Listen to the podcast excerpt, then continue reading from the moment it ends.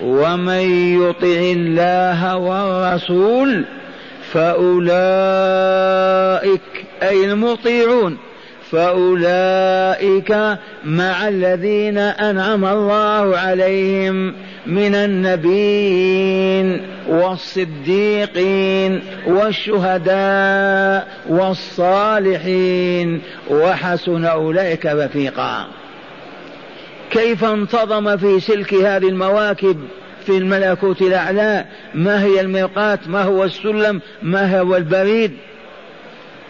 طاعة الله عز وجل وطاعة الرسول الحبيب صلى الله عليه وسلم. واللفظ واضح كوضوح الشمس. ومن لفظ من من ألفاظ العموم ذكر أنثى عربي عجمي فقير غني شريف وضيع. من؟ يطع الله والرسول. فأولئك مع الذين أنعم الله عليهم. أين هم؟ أين رسول الله؟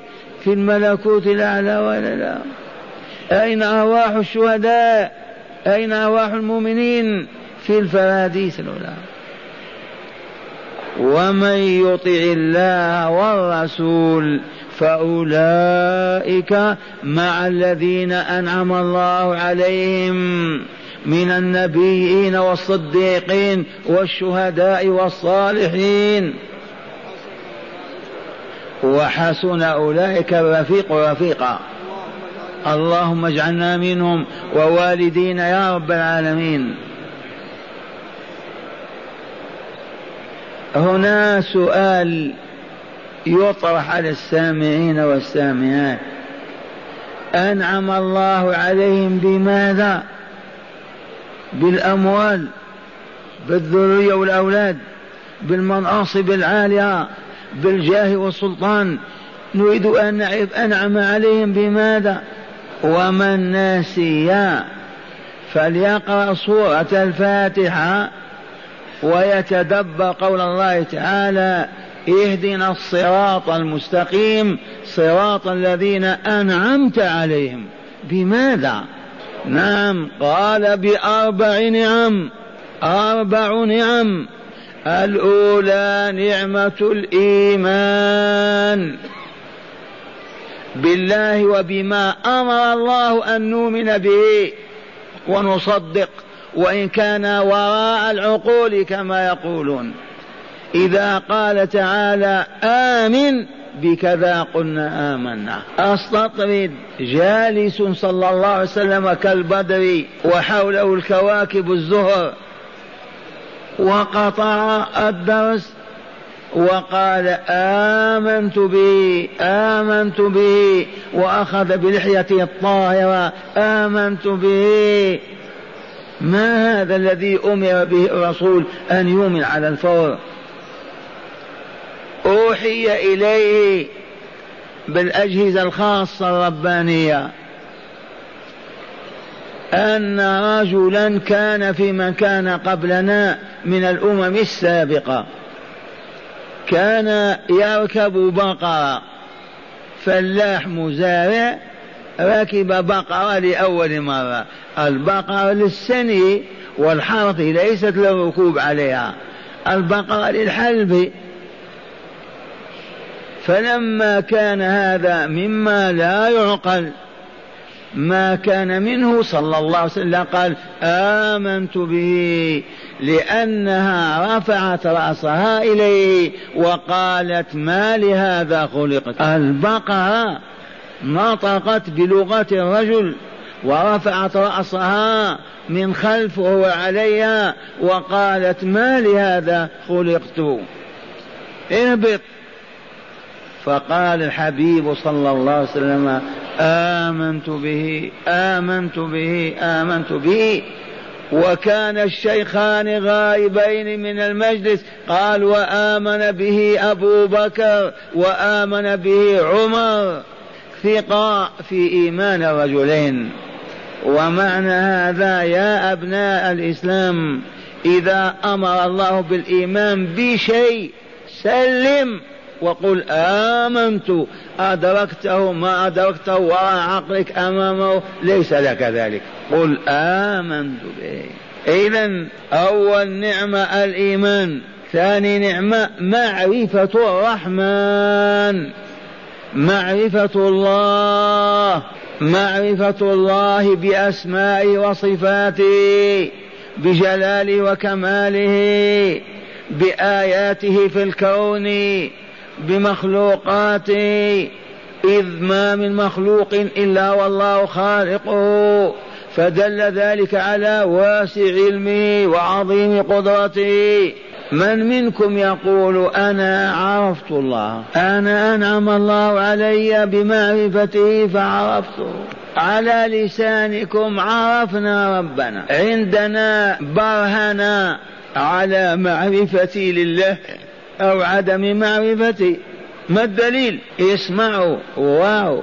معرفة الله في القلب تثمر شيئين.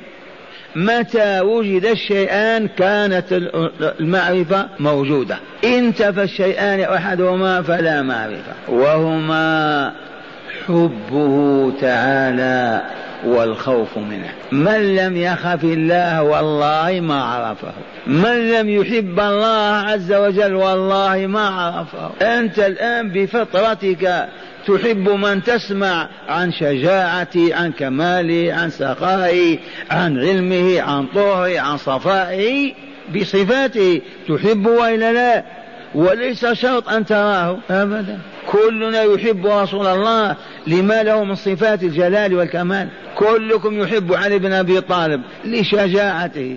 اذا من لم يحب الله ولم يخف يخافه ما عرف الله. معرفة الله تثمر تنتج للعارف شيئين ضروريين لحياته. حتى يستقيم على منهج الحق ويحب الله والخوف منه. من أحب الله عمل كل ما يحب في حدود طاقته. ومن خاف من الله هجر وهرب من كل ما يكره الله. علامة الخوف. هذه الثانية. الثالثة معرفة محابه ومساخطه. معرفة ما يحب الله من الاعتقادات القلبية والأقوال والأعمال الذاتية.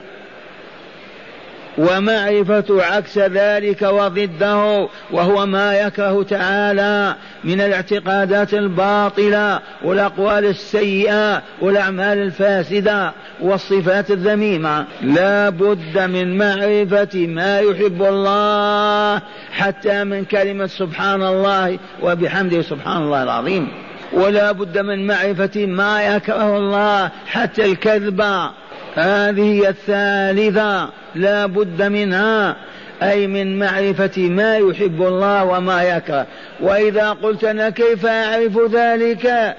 يقال لك اقرأ أبواب العلماء واسألهم. اقرأ كتابه ودرسه. امشي وراء رسوله وتتبع سيرته. تجد ما يحب الله وما يكره.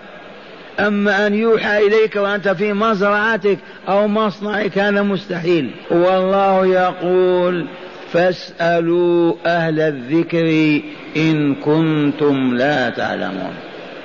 هذا أمر وإلا لا؟ اسألوا من نسأل يا ربي أهل الذكر. ما الذكر هذا؟ القرآن. صاد والقرآن ذي الذكر. وإذا لم نجد من نسأل ماذا نصنع؟ يجب أن نرحل نركب بعيرا أو بهيمة أو طيارة أو باخرة حتى نجد إلى نجد الشخص الذي يعرف ما يحب ربي وما يكره. يا شيخ هذا متعب وهذا ما هو معقول. ارحل. من هذه القرية التي ما فيها من يعرف ما يحب الله ولا يكره وانتقل هاجر. كما هاجر الأصحاب من مكة المدينة ليتعلموا الكتاب والحكمة. وإن قلت ما أستطيع. إذا كيف تستطيع أن تخترق سبع سماوات وتنزل هناك؟ هذه سهلة مستحيلة هذه. فاسألوا أهل الذكر إن كنتم لا تعلمون. فكل من لا يعلم يجب عليه أن يسأل حتى يعلم. أحب أم كره؟ وبذلك كان المفروض لا يوجد بين المسلمين جاهل. إلا من دخل في الإسلام من أيام. لما؟ إذ هذا نظام حياتهم. من لا يعلم يسأل حتى يعلم. ولا شرط أبدا لقلم ولا قرطاس ولا دوات. تريد أن تأكل لأول مرة ائت إلى أن قل له كيف أتناول الطعام. يقول إذا وضع الطعام بين يديك قل بسم الله وتناول بيدك اليمنى ولا تأكل من حافة القصعة كل مما يليك فقط وإذا أكلت ما تشبع. كل قدر ما تقيم صلبك وحياتك. ثم إذا ختمت العق أصابعك كما كان الحبيب يلعق إن كان فيها إدام ثم قل الحمد لله. تعلمت كيف تأكل؟ قال تعلمت. علم امرأتك وأولادك. بهذا هو لنا يحتاج إلى قلم وقراءة وكتابة. لا. يا شيخ أنا أريد أن أغتسل. قالوا الغسل واجب كيف نغتسل؟ يعلمك هاتوا ماء يا أولاد. وأمامه يغتسل. تعلمت وإلا تعلمت. إذا الرقم الثالث معرفة محاب الله ومساخطه. معرفة ضرورية. وأخيرا الرقم الرابع ما هو؟ توفيق الله لك يا عالم. أن تعمل بما علمت إذ لو خذلك الله ما وفقك تصبح كعلماء اليهود المغضوب عليهم. لما غضب الله عليهم؟ لأنهم علموا وأبوا أن يعملوا. آثروا الدنيا وأوساخها فغضب الله عليهم. بعدما علموا اسمع الآية اهدنا الصراط المستقيم. صراط الذين أنعمت عليهم غير المغضوب عليهم ولا الضالين. صراط المغضوب عليهم ما نسلكه ولا نمشي عليه. صراط الضلال والجهال كالنصارى من يمشي وراءهم. إذا ومن يطع الله والرسول فأولئك أي المطيعون. مع الذين أنعم الله عليهم من مواكب النبيين والصديقين والشهداء والصالحين. يا شيخ أنعم الله عليهم بماذا؟ يتبادر إلى الذهن المال والولد والمنصب والحرث والزراعة. لا لا. أنعم الله عليهم بأربع نعم. ما هي؟ الإيمان. لأن هذه النعمة تطلب من الله كم وكم من طاف السماء وغاص في الماء وما آمن. نعمة الإيمان تطلبها من الرحمن. ثانيا نعمة معرفته عز وجل. هذه تطلبها من الكتاب والسنة وسؤال أهل العلم. ثالثا معرفة ما يحب وما يكره. ذي تطلبها من أهل العلم. وترحل من بلد إلى بلد لتظفر بها. وأما الأخيرة نعمة التوفيق اطرح بين يدي الله وتململ في بين يديه وأنت تبكي رب زدني علما رب وفق لما تحب وترضى. يوفقك. ومن ثم إن شاء الله تجدون أنفسكم قد اخترقتم سبع آلاف وخمسمائة عام. وما هي إلا لحظات فقط.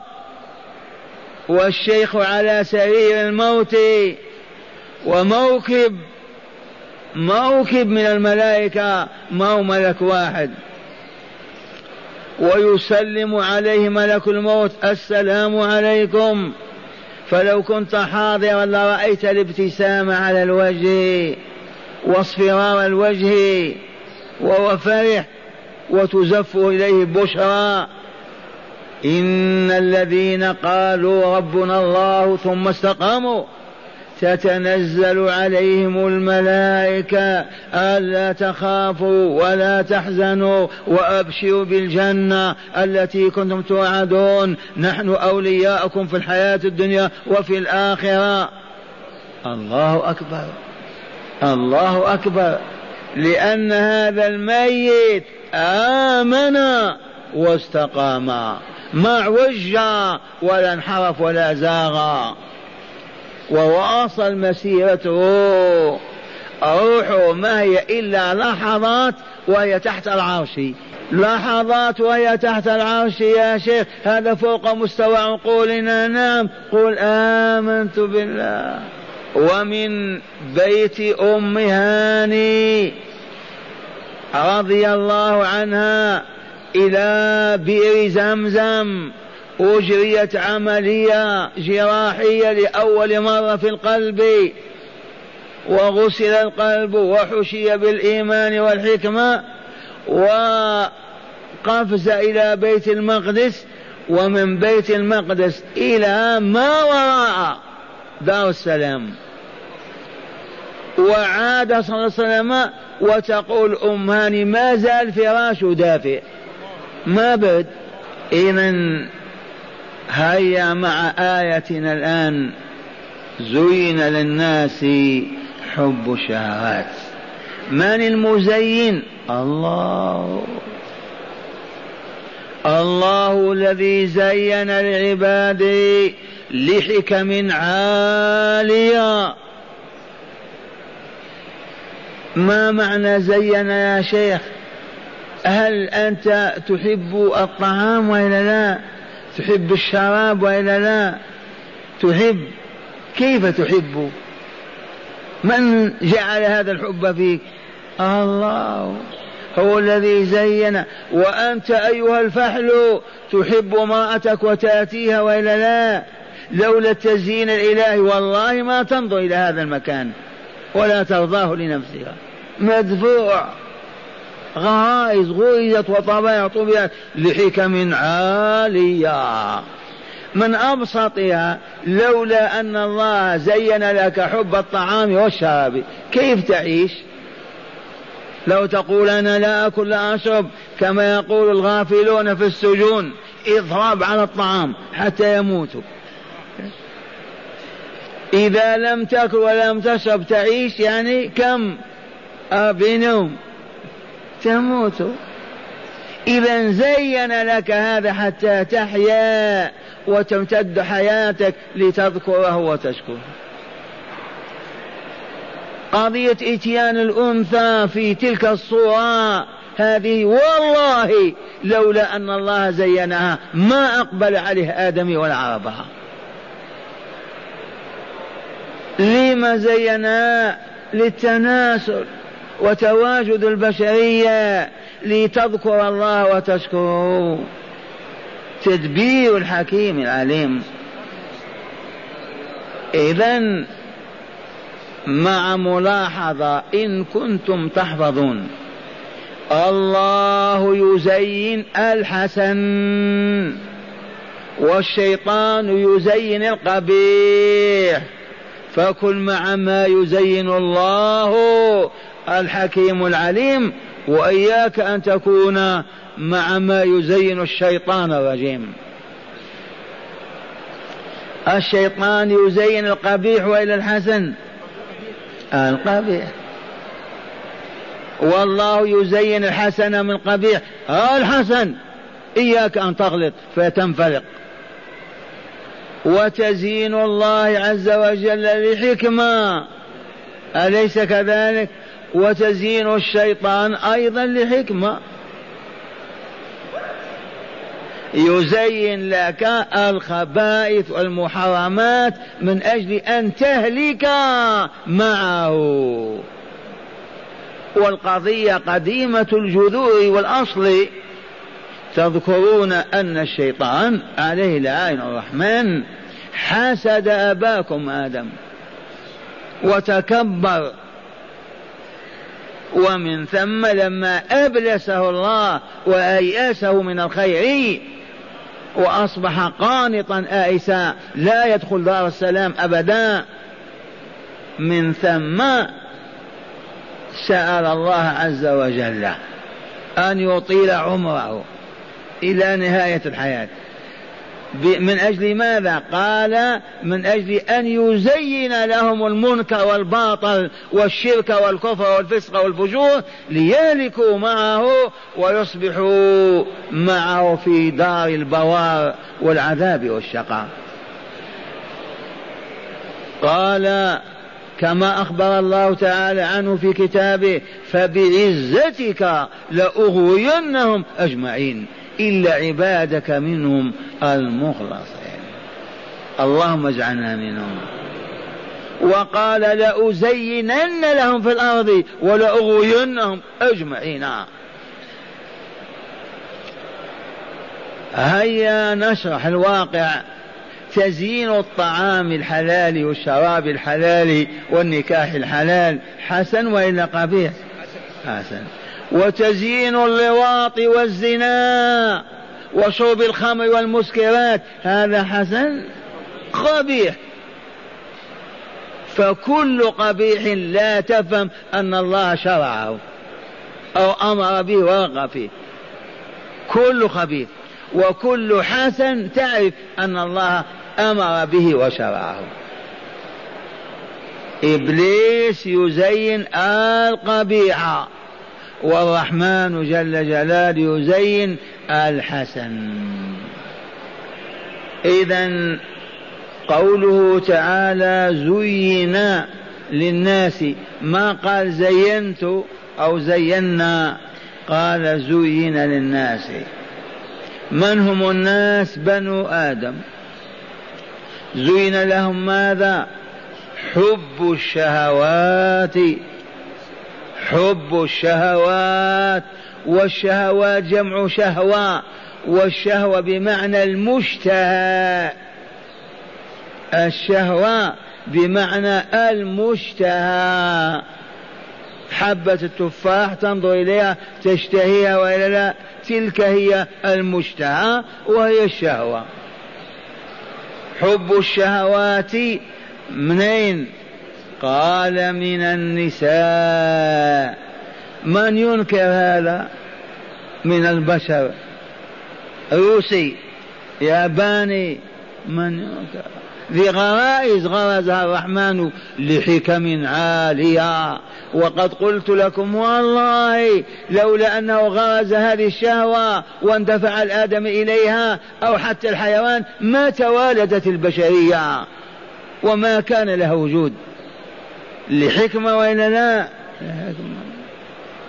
حب الشهوات أولا من النساء. النساء واحدة امرأة ما له مفرد. عرفتم؟ النساء واحدة النساء امرأة. حب الشهوات من النساء افهم. لا يخطر ببالك ما دام قد زين هذا فلتأته أنت من بنات ونساء المؤمنين بالعهر والزنا والفجور. انزع هذا من ذهنك. لأنه زينه لحكمة وهي التناسل وكثرة البنين والبنات ليعبد الله عز وجل. ما هو لنفس الغريزة والشهوة. إذا فمن زين له الشيطان الزنا أو اللواط فهذا التزيين للقبيح الذي هو أشد قبحا. ودائما نقول ما أعرف ما أقبح ولا أبشع ولا أرخص ولا أذل ولا أنتن من أن يأتي الذكر الذكر. وبلغنا أن في أوروبا أندية للواط عرفتم؟ ولنذكر أحد أئمة الإسلام الأمويين ناشر الدعوة وحامل رايتها زمنا على منبر دمشق يخطب الناس عبد الملك بن مروان. فحلف بالله. لولا أن الله تعالى أخبرنا عن قوم لوط. ما كان يخطر ببالنا أن الذكر ينزو على الذكر. ما يخطر ببال العربي أن الرجل ينزو على الرجل. وردني كتاب عند باب المسجد من مؤمن يبكي يقول إن أخا له يأتي أخا له في بيته وضربنا وعذبنا وما استطاع أن يترك. من أين تعلموا هذا؟ كيف وصلنا هذا والعرب حتى حتى البغال لا يدخلونها بلادهم ولا توجد بهذه الديار بغلة إلا الدلدل التي أهداه مقوقس مصر لرسول الله صلى الله عليه وسلم مع ماريا القبطية. لما لأن البغلة تتولد من إنزاء الحمار على الفرس. يسلطون الحمار على الفرس فتنتج بغلة. هذا العرب ما يعرفونه أبدا ولا يتذوقونه أن حمار يسلطوا على فرس مستحيل. وما عرفت هذه الجزيرة هذه الفاحشة إلا في في خلافة عمر فضبط اثنان من العجم في البحرين فاحتار الصحابة كيف نفعل بهما. قال علي نطلقهما من أعلى الجبل إلى الأرض ونرميهم بالحجارة كما فعل الله بقوم لوط. وتصبح هذه في بيوت الإيمان. أتدرون من علمهم؟ إبليس. أبو مرة. ما هي الآلات التي تقدم بها إليهم؟ التلفاز الفيديو. الصحن الهوائي والدش. فتعلم الأولاد العهر والفجور مما يشاهدون. آه. أين الإيمان والمؤمنون؟ ورسولنا صلى الله عليه وسلم يقول إن الملائكة لا تدخل بيتا فيه كلب ولا صورة وإذا رحلت الملائكة من يحل محلها؟ قولوا الشياطين. والشياطين ما مهمتها؟ تزيين القبائح وإلا لا؟ أعطوني سياسي يتكلم معي أنطق على لسانه وإن كان جالس ما يتكلم. فقط يقول هذه رجعية وتخلف. تبهتم أقول لك يا هذا أتحداك عن النتائج المباركة الطيبة التي نمت بيننا عندما أدخلنا هذه الآلات في بيوتنا. هاتي كثرة الأموال ولا ريال واحد. أصبحنا شجعان. ها نحن أذل من اليهود. أصبحنا ماذا؟ ما الذي تحقق؟ هاتوا. لا شيء.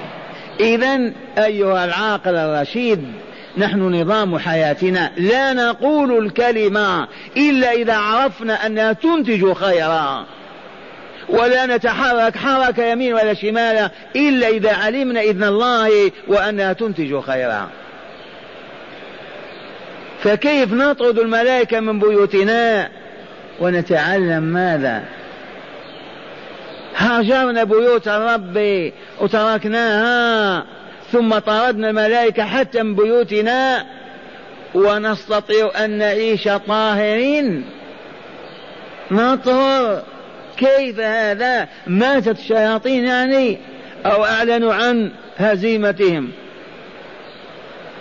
إن فرضنا أنك سياسي ولا بد أن تطلع على أحداث العالم. إذا ما نفعتك الصحف ولا ولا في غرفتك أيها الفحل واضبط أوقات النشر أو أوقات العرض وادخل أغلق الباب عليك في غرفة والله لو تجعله في المرحاض أفضل. والله أفضل. وكرسيك في المرحاض وانظر ذاك واسمع ذيك الحادثة واغلق. واخرج. لما الشيخ يقول هذا؟ لأننا عرفنا أنفسنا هبطنا وما ارتفعنا. ماذا أفادنا هذا؟ زادنا بلاء ومحنة فقط. زين للناس حب الشهوات من النساء والبنين. والبنات أيضا لا لا لا, لا. البنات لا. البنين. لو قال والأولاد لا دخل البنات. المولودات وإلا لا لكن كلمة البنين ما في لبنى لعلي واهم. أما أهل هذه الديار أهل المروءات القديمة كان إذا بشر أحدهم بأن ولدت له بنت يظل في كرب يسود وجهه يستحي أن يلتقي مع الناس. وإذا بشر أحدهم بالأنثى ظل وجهه مسودا وهو كظيم يتوارى من القوم من سوء ما بشر به. ثم أيمسكه على هون؟ أم يدسه في التراب؟ عمر فعلها. ولدت له بنت في مكة دفنها. لا أي نعم حفر لها وأخذت تمسح التراب من لحيته ودسها. وبكى على هذه في الإسلام. مغفور لك يا ابن الخطاب. عهد الجاهلية غير عهد الإيمان والإسلام. اذا البنين أو البنات البنين لتكون فيلق تغزو. بها الرجال. ليحموك ليحوطوك بالحناية ولهذا يحبونهم. الآن يحبونهم حب شهوة فقط لأنهم ما ينفعون. أو ينفعون؟ الآن قال من أجل الراتب فقط. من فعل بنا هذا؟ الثالوث الأسود. خصوم لا إله إلا الله محمد رسول الله. المجوس واليهود والنصارى. ومددنا أعناقنا وساقونا إلى المهاوي والمهالك وما شعرنا بعد. إذا حب البنين لأنهم يجاهدون. ويقاتلون وينصرون دعوة الله ويبنون ويصنعون ويسافرون ويتجرون ويربحون. أما البنات لو قال تعالى حب البنين والبنات يقول واحد لا لا ده ما هو كلام الله ما هو صحيح.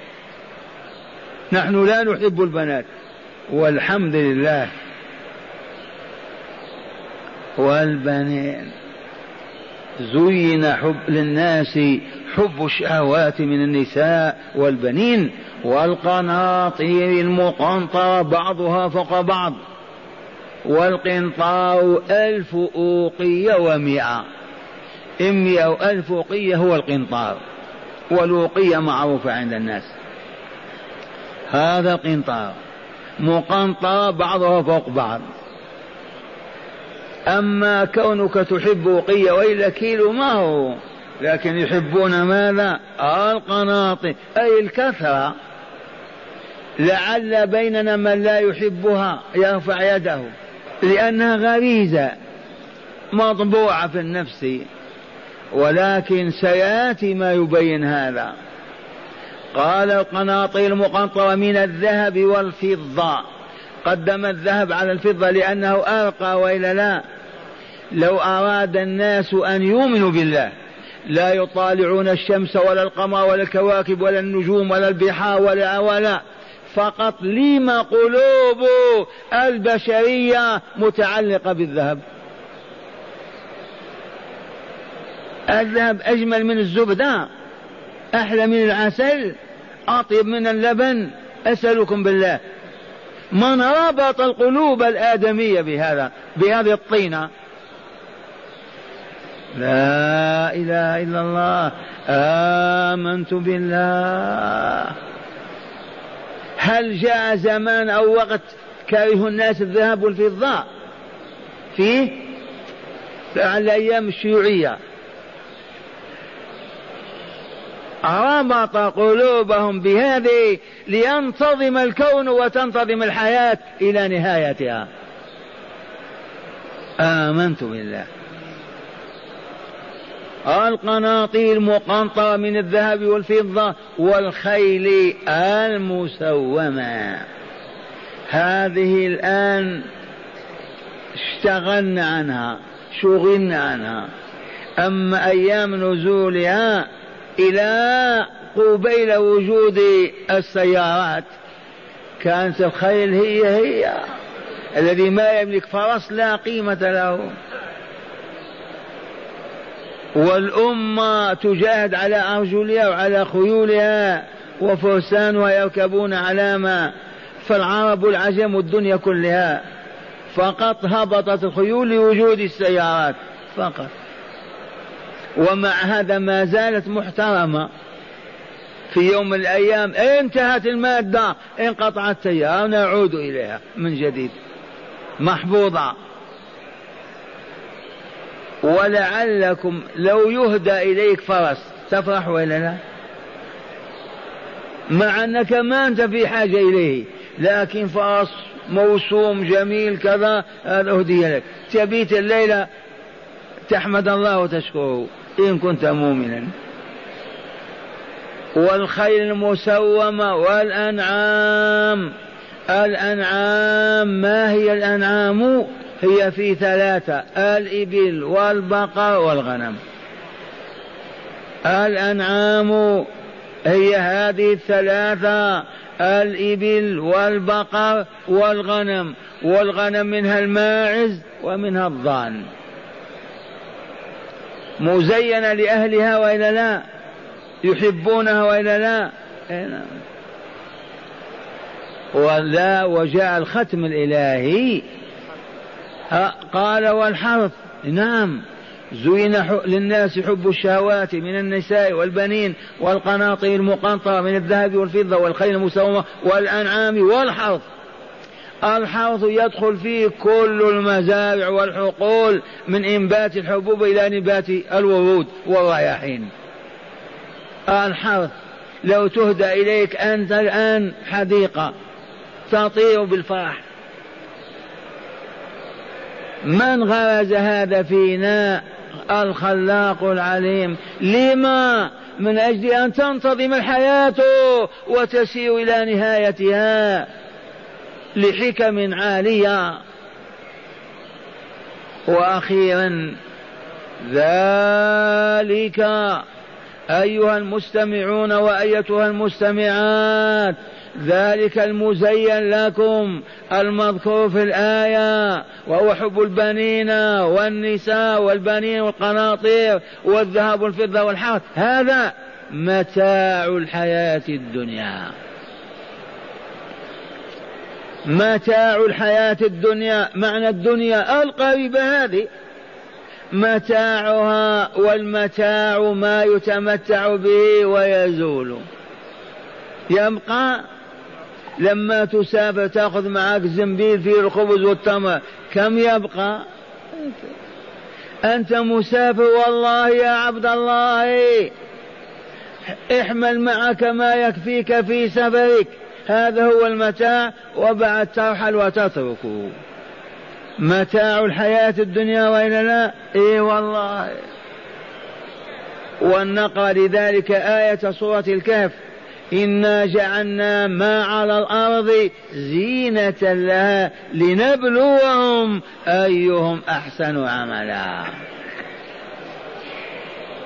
هذا المتاع الحياة الدنيا زينه الله قال للابتلاء للاختبار والامتحان وهو زائل ومنتهي لنبلوهم من ياخذ بما احل الله ويتخلى عما حرم الله. من ينغمس فيما حرم الله فتتمزق نفسه وتخبت وتصبح كأرواح الشياطين. والله عنده حسن المآب. أرأيت هذا الختم الإلهي؟ ذلك متاع الحياة الدنيا والآخرة. عند من؟ وعند الله حسن المرجع والمآب. ومعنى هذا يا عباد الله يا أولياء الله خذوا من دنياكم ما حل لكم وطابا وميلوا إلى التقصير والتقليل لأن آمالكم في السماء ما هي في الأرض لأن ما عندكم ينفد وما عند الله باقي. إذا اذكروا ما عند الله فإنه يصرفكم عما حرم الله. والله عنده ماذا؟ حسن المرجع والمآب. الجنة دار السلام دار النعيم المقيم. عرفتم هذا؟ ما هي النتيجة الطيبة؟ النتيجة أصبحنا الآن فلاسفة. عرفنا أن هذا المحبوب المزين زينه خالقه للفتنة للاختبار والامتحان. عرفنا؟ فلناخذ منه ما أذن لنا فيه وسمح به لنا ونتجنب ما نهى عنه وحرمه علينا لأننا ممتحنون. فإن نحن كابدنا فقرا كابدنا تعبا ومشقا فلنصبر ونعلم أن وراء ذلك النعيم المقيم الذي لا حد له ولا حصر وإليكم كلمات الحبيب كلمات الحبيب صلى الله عليه وسلم يقول حفت أن الجنة بالمكاره وحفت النار بالشهوات. هذا كلام الحكيم ولا لا؟ الرسول حكيم. أستاذ الحكمة ومعلمها. ما قال تعالى يعلمهم وإلا لا؟ الكتاب والحكمة. والله لك ما قال. حفت الجنة بالمكاره. تبان فإذا أنت لم تغامر وتتقوى وتمزق تلك المخاوف وتقبل على عبادة الله ما تدخل الجنة. الجنة محفوفة بما تكره النفس. آه الصيام كيف نترك الطعام والشراب؟ كيف نترك كذا؟ محفوفة الزنا حرام. ما تزوجت أنا ما عندي. كيف نصبر ليل نهارا الأعوام والسنين. إذا مكاري كيف هذا الحج؟ أمشي على رجلي وأنا في الأندلس أو كيف أصنع؟ لا بد. اعتراف بالحق لو صفعك مؤمن قل سامحتك. تجوع وتعطش لا تمد يدك إلى مال غيرك. هذه المكاره تحوط بالجنة. إن أنت اجتزتها وتجاوزتها دخلت دار السلام. حفت الجنة بالمكاره. الجهاد حمل راية الجهاد إمام المسلمين لا بد للشبان والكهول أن يخرجوا إلا مريض أو عاجز أو كبير. هذا تكره النفس ولا لا؟ طالب الأموال أيها المؤمنون من عنده فضل عن قوته فليضعه غدا في صندوق الجهاد. تجد نفسك مضطر لابد تخرج. إذا حفت الجنة بالمكاره وحفت النار بالشهوات. شهوات الربا الزنا الغش اللهو الباطل الخداع عقوق الوالدين سب المؤمنين تكفيرهم. كل هذه محاطة بالنار حتى يدخلوها. ويقول فداه أبي وأمي وصلى الله عليه ألفا وسلم يقول يقول اتقوا الدنيا اتقوا الدنيا واتقوا النساء فإن أول فتنة بني إسرائيل كانت في النساء هذا أستاذ الحكمة ومعلمها وإلا لا اسمع ما يقول لنا يا عباد الرحمن. يقول اتقوا الدنيا. كيف نتقيها؟ نجعل بيننا وبينها وقاية. لا ننغمس في أوضارها وأوساخها. لا نتكالب عليها. نأخذ منها الزاد فقط للوصول إلى القبر. لما ننغمس في الأموال فنصبح في أسوأ الأحوال. يا عدنان أنت موظف اكتفي بوظيفتك لا تفتح دكان أنصح لك. يا عبد الله أنت في خير وعافية ما تفتح باب الشر عليك وتبدأ تطلع ماذا فعلنا وماذا ربحنا. انتبهوا اتقوا الدنيا فإنها ماذا؟ اتقوا الدنيا خافوا واحذروا أن لا تقعوا في أحضانها فتهلككم. واتقوا النساء. كيف نتقي النساء يا رسول الله؟ إذا خاف من فتنتهن. ثبت إذا مرت مرأة كأنها حية أو ثعبان. غمض عينيك وهرب. عرفتم ولا لا؟ ويذكر الحكيم يقول أول فتنة بني إسرائيل كانت في النساء بنو إسرائيل أبناء الأنبياء وإلا لا؟ قادوا العالم بطهرهم وصفائهم. كيف بدأت فتنتهم؟ وهبطوا الكعب العالي. الزائرون ما يفهمون الكعب العالي. روحوا لأسواق المدينة يعلموكم. ما هو الكعب العالي؟ هذا حذاء. ماذا كعبه رقيق؟ إذا لبسته المرأة تصبح تتمايل. تبهتم إلى لا. الشيطان يجعلها تتمايل هكذا. هذا كعب العالي من سنة اليهود. عرفتم؟ وهذه الصديقة رضي الله عنها قال لنساء المؤمنين انتبهنا يا نساء المؤمنين رأت بعضهن تخرج وهي متحفظة. قالت أو ينزل قرآن فيكن كما نزل في بني إسرائيل. الشاهد عندنا وإلى الآن فتنتنا في النساء وإلى لا؟ والله فيها. إذا اتقوا الدنيا واتقوا النساء فإن أول فتنة بني إسرائيل كانت في النساء. نشرح وإلا لا؟ نشرح. إذا علموا بناتكم ست سنين في المدرسة الابتدائية. وإذا تعلمن كيف يعبدن الله ويتقينه أحجبوهن في البيت. يخدمن أمهاتهن يساعدن على تربية الصغار يتهيأن للأنوار يتزوجن وينجبن البنين والبنات. هذا هو. أما أنك تعلمي للمستقبل مستقبلك يا بنتي وهي تقول مستقبل يا بابا. انتبهتم؟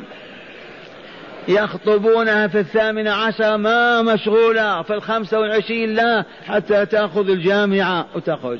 وبعد ذلك تبحث عن وظيفة. والشيطان يوسوس تعالى يوجد لها وظيفة. فهمتم؟ وبعد ذلك ما تستفيد من حياتها شيء أشرح وإلا لا؟